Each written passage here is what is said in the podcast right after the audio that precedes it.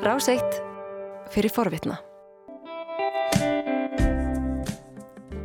Þetta er morgumaktun á Ráseitt. Klukkan orðin rúmlega halv átta þennan 50 dags morgun. Venjulega á þessum tímadags á 50 dagum þá uh, sest Bói Ákusson við heimsklukkan en hann er auðvitað uh, aflýsingamadur uh, og sér um morgumaktina með okkur þessa vikuna þannig að engin verður heimsklukkin þessa viku ekki með honum þar að segja en við höfum enga síður fengið til okkar góðan gest til að ræða heimsmál. Já, ég setti á Facebooku gæra að uh, heimsklukkin að þessi sinni það væri kanóna sem að væri hér uh, og uh, það er orð með réttu. Við, um, við vorum að tala um svona skemmtilega hluti hinsmestari keppnið í handbólta nú ætlum að tala um allt annað. Magnús Þorkell Bernhardsson er komið til okkar, hann er professor í sögum miðusturlanda við Williams College í Massachusetts í Bandaríkanum Magnús Þorkell eh, hann lög bíaprófi stjórnmálfræði og guðfræði við Háskóla Íslands eh, og Emma í tróðabarafræði við Yale Háskólan og eh, er með eh, doktorpróf frá Yale frá orðin 1999 og hefur stundan námi arabísku í Damaskus í Sýrlandi. Og eh, hefur verið starfandi við Williams háskólan frá því að 20 ár Magnús núna, já, já nefnitt og Magnús er auðvitað einn af helstu sérfræðingum um málefni mið Östurlanda og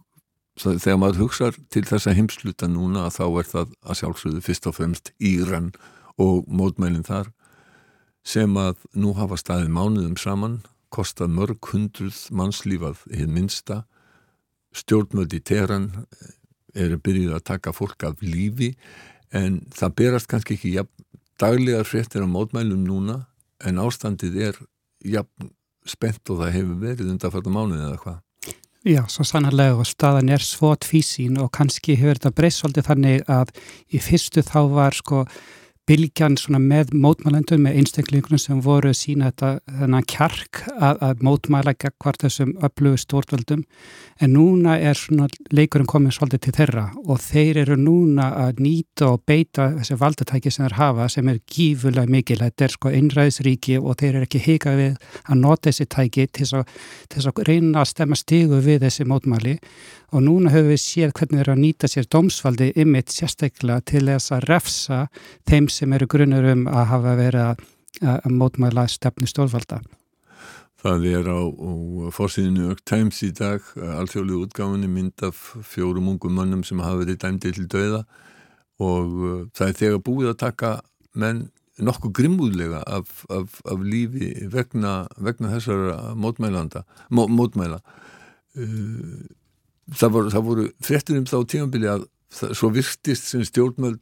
hefði ykkvað ætlað að gefa eftir og, og uh, þessi alrænda síðgeðislöregla eða hvað við um að kalla hana, hún hefur ekki verið eins ábyrrandi og uh, hún hefði verið áður. Konur uh, á göttum úti hefðu svona, já gengur ekki endilega með, með, með slæður en, en uh, nú á það að vera harkan sex eða eitthvað. Já, þetta er svolítið þannig að, að þau kannski leiðu fólki að hafa þá tilfinningunni að kötturum var farin og núna þá fór fólk út og, og, og kannski svona aðeins meira ábærendur náður en núna er kötturinn komið tilbaka og núna eru þessar aftökur og ofinbæra aftökur og mjög sínilegar og og fólk núna er virkilega farin að hugsa sér þessarum og það er ekki bara þetta sem er vekur auk hjá fólki hvað, hvað þeir eru aggressífur í þessu heldur líka eru hvernig þeir eru á mjög sko kannski ekki einn sínilegan hátt er að nýta sér kefi til dæmis ef þú ert grunar um að vera mótmælandi og þú ert handtekinn þá út þegar ríkið er sko lögmann og það er búið að handtaka eh, flesta svona típisku mannréttinda löffrænga landsins þannig að þeir sem eru sko sakbortningar hafa ekki jafn að, sko, aðgang að uh, sko lögmönnum eins og ofta á þess að verja sig fyrir þessu ásökunum Sinni líka hitt er að hvern, hvernig sko ríkisvaldi lítir á þessu mótmælendur. Að þeir sem eru sko mótmælendur eru raun og veru bara kvistlingar, þetta eru föðlandsvikarar og, og þeir eru að svíkja málstað sko raun og veru gvöðs, þeir eru þá eiginlega raun og veru formlega séð svona fulltrúi djöfulsins eða mikla satans. Og þar að leiðandi er þetta frá þeirra mati séð réttlætileg refsing, stöðarefsing þar að segja. Og þetta sjálfsögðu fær fólk til að hugsa sér tviðsorum og síðan er líka, er það farnir að beita í síknum mæli sko þessi valdatæki í nútíma stjórnmála manna sem er sko allstar eru myndavélar og, og þeir að fylgjast með hvað þú ert að gera á samfélagsmiðlum. Og núna er verið að nota þessa andlitsgreiningu, það er að segja facial recognition. Já. þannig að sérstaklega unga konu sem er verið að ganga um slæðislausar þá núna getur þær, getur þær hugsalega svott um vinnu eða skóla eftir fimm mánu til dæmis og þá kannski sagt, heyrðu, þú varst á þarna á Suðurlandsbrautinni klukkan Já. þrjú, þú veist, fremjið þennan glæp. Uh, og þetta er eitthvað sem núna margir hugsa sér til svo römm þetta er ekki sko grín, þetta er sko döðans alvara að, vera að, vera núna mótmála í Íran. Þá getur maður ímynda sér að það þarf gríðalegt hugur ekki til þess að mótmæla stjórnvöldum sem eru jafnveg miskunalus Já, hva, hvaða orð er eiginlega svona hástig sko hugrekkist, þú veist, þor, kjarkur, ég veit ekki sko, þetta fólk er, er að taka sko lífsitt í, sín, í hendurna sínar mm. og ekki nómið það, sko, það er ekki bara þú mótmælandi sem er sko refsaður, heldur sko stórfjölsketan þín, að sko frændiðin getur sko, eignir hans getur verið tekið eignanámi og, og, og líka heftur í fangelsi þannig að þú ert, þú ert líka hugsa um þína eigin fjölskyldu og framtíða möguleika þeirra að fá vinnu. Það er svo mikið af ofnbæri starfsmennum í Íran, það er eitt stærsti aðtunni rekandin í Íran og þar lendur fólk núna að missa vinnuna sína vegna þess að ykkur ættingi vara í ykkur mótmælum og efnastæðin er slíka fólk hefur bara hreinlega ekki efni á þessu. Þetta er kannski stað núna í Íran síni kannski sko það, jú, það máttur einstaklings þess að mótmæla en sko hvað svona allraðisríki, hvað að þið geta beitt mörgum ólíkum ráðum til þess að hveða niður svona þessa von sem fólk hafði kannski og það er kannski núna smá saman að fjara út þessi mikla von sem var hann í byrjun. Er engin brestur á samstöðinni hjá klerkastjórninni og ennbættismönnum sem að eh, þannig eins og þú segir, það er ríkisvaldið er stórt, hið ofinbæra er stórt og það er ekki allir væntanlega ennbætismenn og stjórnendur og millistjórnendur, fólk sem er að ráða fólk inn í kerfið sem að eru harlínu klerkar en er, er, er hverki brestur í samstöðinni þarna? Jú, það, það er, þetta er náttúrulega stort land og mikið fjölbreytinu og þess að þar og það, það var hann í byrjun, margir velta þessu fyrir sér og þá fólk hafði kannski tilfinninguna, núna var kannski myndi vera skipt út og komin ykkur frálslindari mennum að. En núna þessi mjög sínulegu ofinbæra aftökur er kannski svona að gefa markum það að núna ætlaði að standa okkar plikt og vera áfram þessi með sömu atferð og hafa sömu áherslur og oft áður. Þannig núna virst eins og það sé komið svona svona samstæðum það hjá þessu æstu ennbættismennum að svona verfi að hafa þetta. Og síðan er líka annað sem er líka verið að gerast er að bæðist stríði í Úkrænu og síðan er líka ný ríkistjórn í, í Ísrael. Mm. og, og eitt af því sem Netanyahu sæði bara í lok síðast árs í desember 2022 þegar, þegar hann tók við ennbætti fyrsta sem hann nefndi í, þegar hann tók við ennbætti var að var sko Íran. Og það er núna fær, sko, veitir ríkisfaldinu Íran tækifært til þess að hjappa þjóðinni saman til þess að geta sagt að ok, nú er komin Netanyahu er komin aftur til Ísrael, þeir ætla kannski að ráðast okkur, þannig að núna er tím til þess að standa saman, núna er ekki tím til þess að vera með eitthvað svona múður og, og deilur um hver, hverju við erum og hvaða lauga við erum í landinu og þeir eru að nýta sér þetta kannski til þess að, þjarma enn frekara fólki. Þetta er hinn aldagamla leið harstjóra við að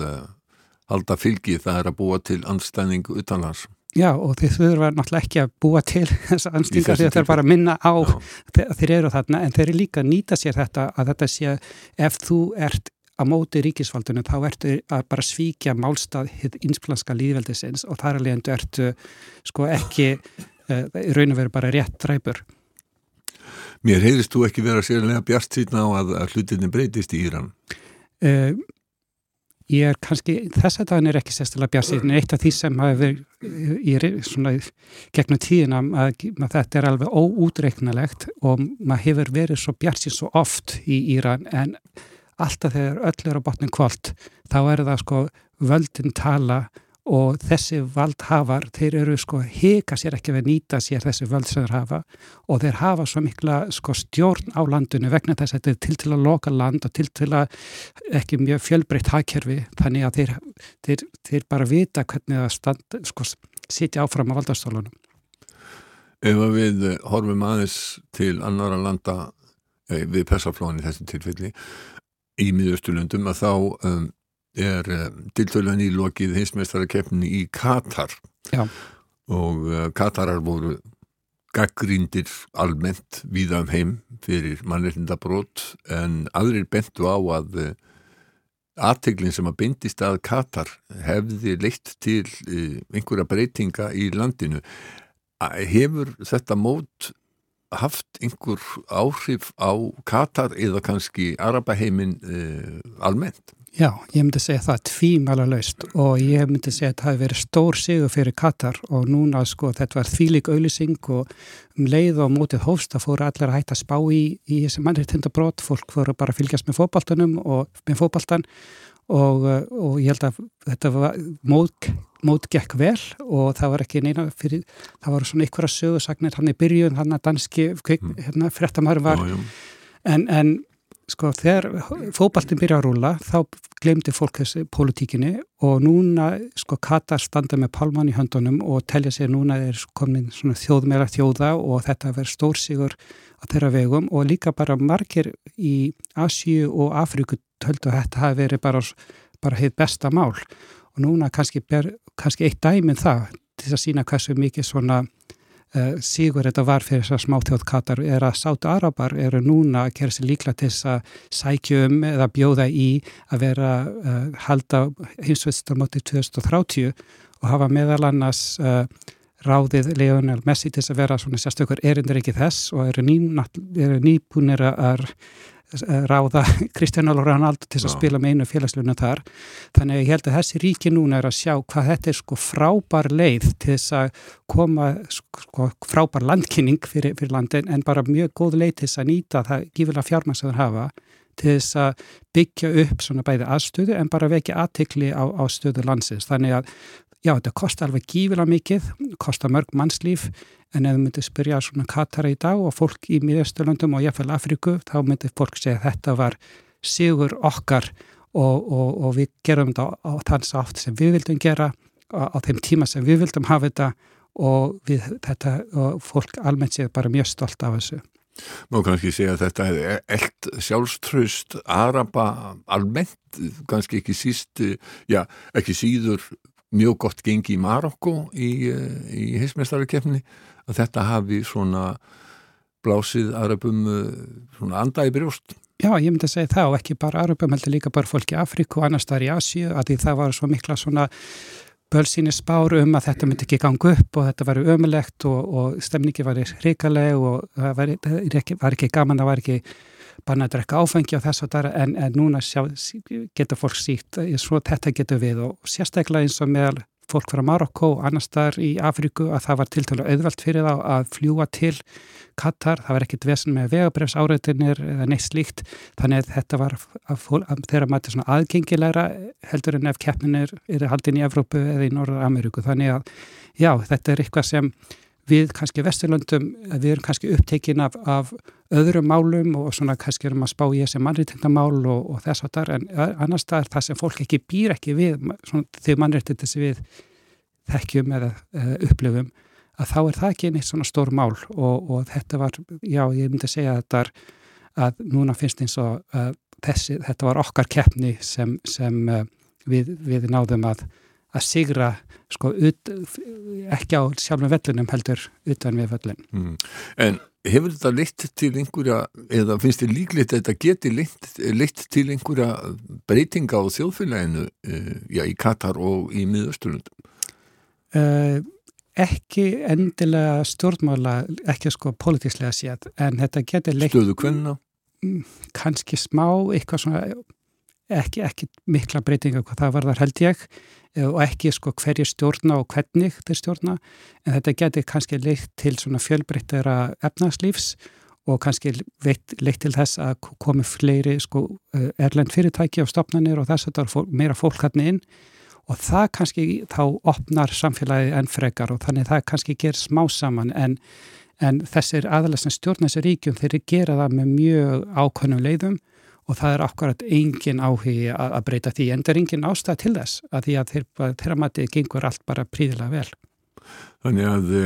hið svo kallar arabíska vor sem hóst fyrir rúmum áratug það er orðin eh, ískaldur vetur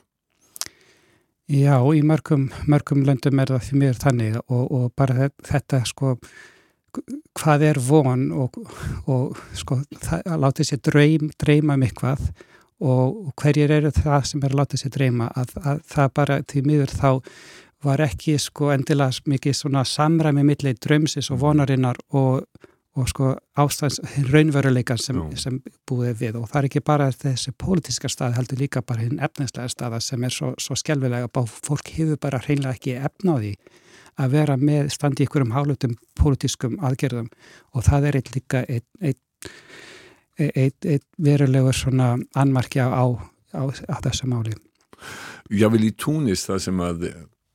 arabíska vorið hófst á sínum tíma með mótmælum og þar virðist vera sem að eh, hlutinni séu að fara yfir í það að, að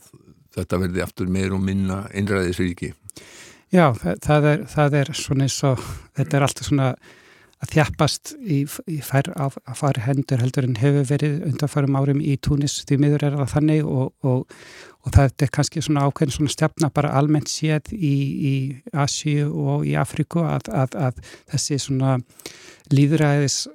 þróanir, þróun líðræðis sem við sáum kannski á nýjönda og byrjun 20. vistaldar er smá saman komið svolítið bakslag í það og kannski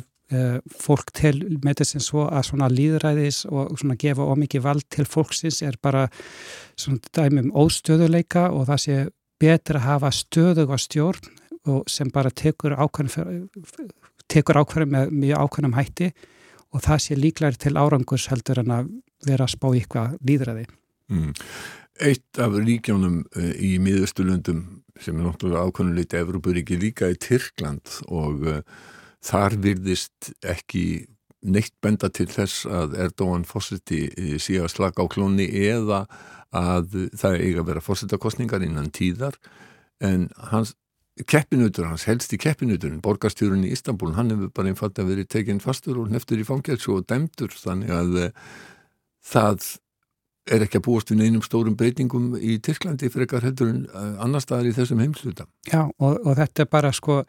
Tyrkland sem líka var í byrjun 21. aldar, það var svona mikið svona bjartsinni um, um hakkerfið og, og stjórnmálinn og, og, og þetta var að þróast á, á ákveðin veg en, en eins og þú fórst að benda á þá er, þá er búið að styrkja til muna sko ennbætti fórsetans og það, þar alveg er, er verið að, að leggja áherslu á það að, að við, við vitum hvað við ætlum að gera, við stöndum svona á málunum og við, það er það mikilvægst í stundu núna er að treysta á stöðu, stöðu fórsetans. Þannig þetta er, þetta er svona mjög uppvænleg þróun víða á þessum stóðum þar sem einankunn valsins er, er núna nánast orðið algjört.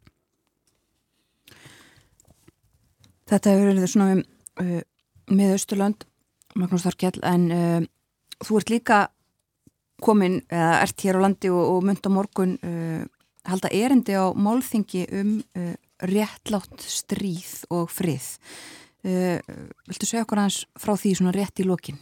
Já, þetta verið í þjóðmínasafninu á morgun klukkan 14 og frá, við erum tveir fyrirlesarar, ég og doktor Solvarna Bóastóttir, þar sem við erum fjallum um þetta réttlátt stríð og réttlátt frið og sko við held ég séum svolítið meðvitið um, um sko hvernig 21. öldun hefur verið að breyta, hvernig herna hefur breyst svolítið mikið og, og hvernig laga umgjörðin og, og hvað er réttlátt stríð og hvernig er á hegi stríð, hvað, hvernig framgöngur er í stríð og hvað gerst þeir stríðinu búið. Núna á 21. öldun hefur við séð svolítið mikið um svona endalau stríð mm -hmm. og þá er það eins og stríðið sé bara svona status quo og friðu sé eitthvað sem er eins sko, sem er bara svona undantekning fyrir ykkar enn og reglunni. Síðan höfum við líka sé sko, uppgám tekninar, hverjir eru að berjast með hvað hætti, svo með dróna eða nota stafrænar herna til þess að ráðast á, á internetið og þess að þar og síðan líka að svo, í síknu mæli er vera ekki sko deilur er stríða millríkja heldur innan, innan ríkjæts og þar er grimdin meiri og þá er fólk ekki endilega að spá í sko genfar sáttmálun eða eitthvað þess aftar og þess vegna er, er, er þessi rástefna þetta málting til þess að velta fyrir okkur hvað, hvað er stríð í dag, hvena má hvena drifum maður mann og hvena drifum maður ekki mann og hvað, hvað, hvað, er, hvað þýðir þetta í, í dag og hvaða breytingar eru hugsanlega í kortunum að því að, að, að teknin er að breyta svo mikið og svo margir eru núna að láta til sín taka að þetta er olgir stjórnleysi e, í, í mörgum hlutum heiminum og, og hvernig við þá að hugsa um þetta fyrirbæri sem við kannski tölum um eins og, eins og þetta fyrirbæri var á 20. stöld. Já. En þetta er gjör breytt eins og fórst líka yfir áðan með Íran, þetta er saman hvort það kemur að þeim stríði eða bara eftirliti með borgurum að þá tæknin er að breyta svo miklu. Nákvæmlega. Og þetta er á morgun í þjóðminnarsafninu, segir þau, og, og geta allir mætt? Já, þetta er opið öllum. Já. Já. Kæra þakkir fyrir að koma til okkar á morgunváttina. Já, Magnús Þorkell, eh, kæra þakkir fyrir það og, og það er eh, kannski rétt að minna á það að Magnús Þorkell verður líka í heimskviðum á lögadaginn á, á Rás 1 það sem að eh, verður rætt við hann um nýja stjórn í Ísrael, þannig að þess vegna höfum við nú ekki talað mikið um það en það verðist vera sem að já, þar er gammal kunningi e, aftur komin til valda Benjamin Netanyahu og stýðs núna við mjög hægri sinna þjóðveitni sinna þannig að það má kannski östuðt, það má ekki búast við að það má búast við að það verði mikið af tíðundum e, í Ísraelskum stjórnmálum Magnús. Já, svo sannlega ekki bara í auðaríkismálum, þeir heldur líka í einaríkismálum hjá þeim. Já. Magnús Þorkell, kæra þakkir fyrir komuna í e, á morgunvaktina hjá okkur á þessum 50 dags morgni. Þú varst að hlusta á hlaðvarpsþátt frá Rás 1. Ef þið langar til að heyra meira, farðu þá á rúf.is skástrygg hlaðvarp eða spilaran á rúf.is skástrygg útvarp. Rás 1 fyrir forvitna.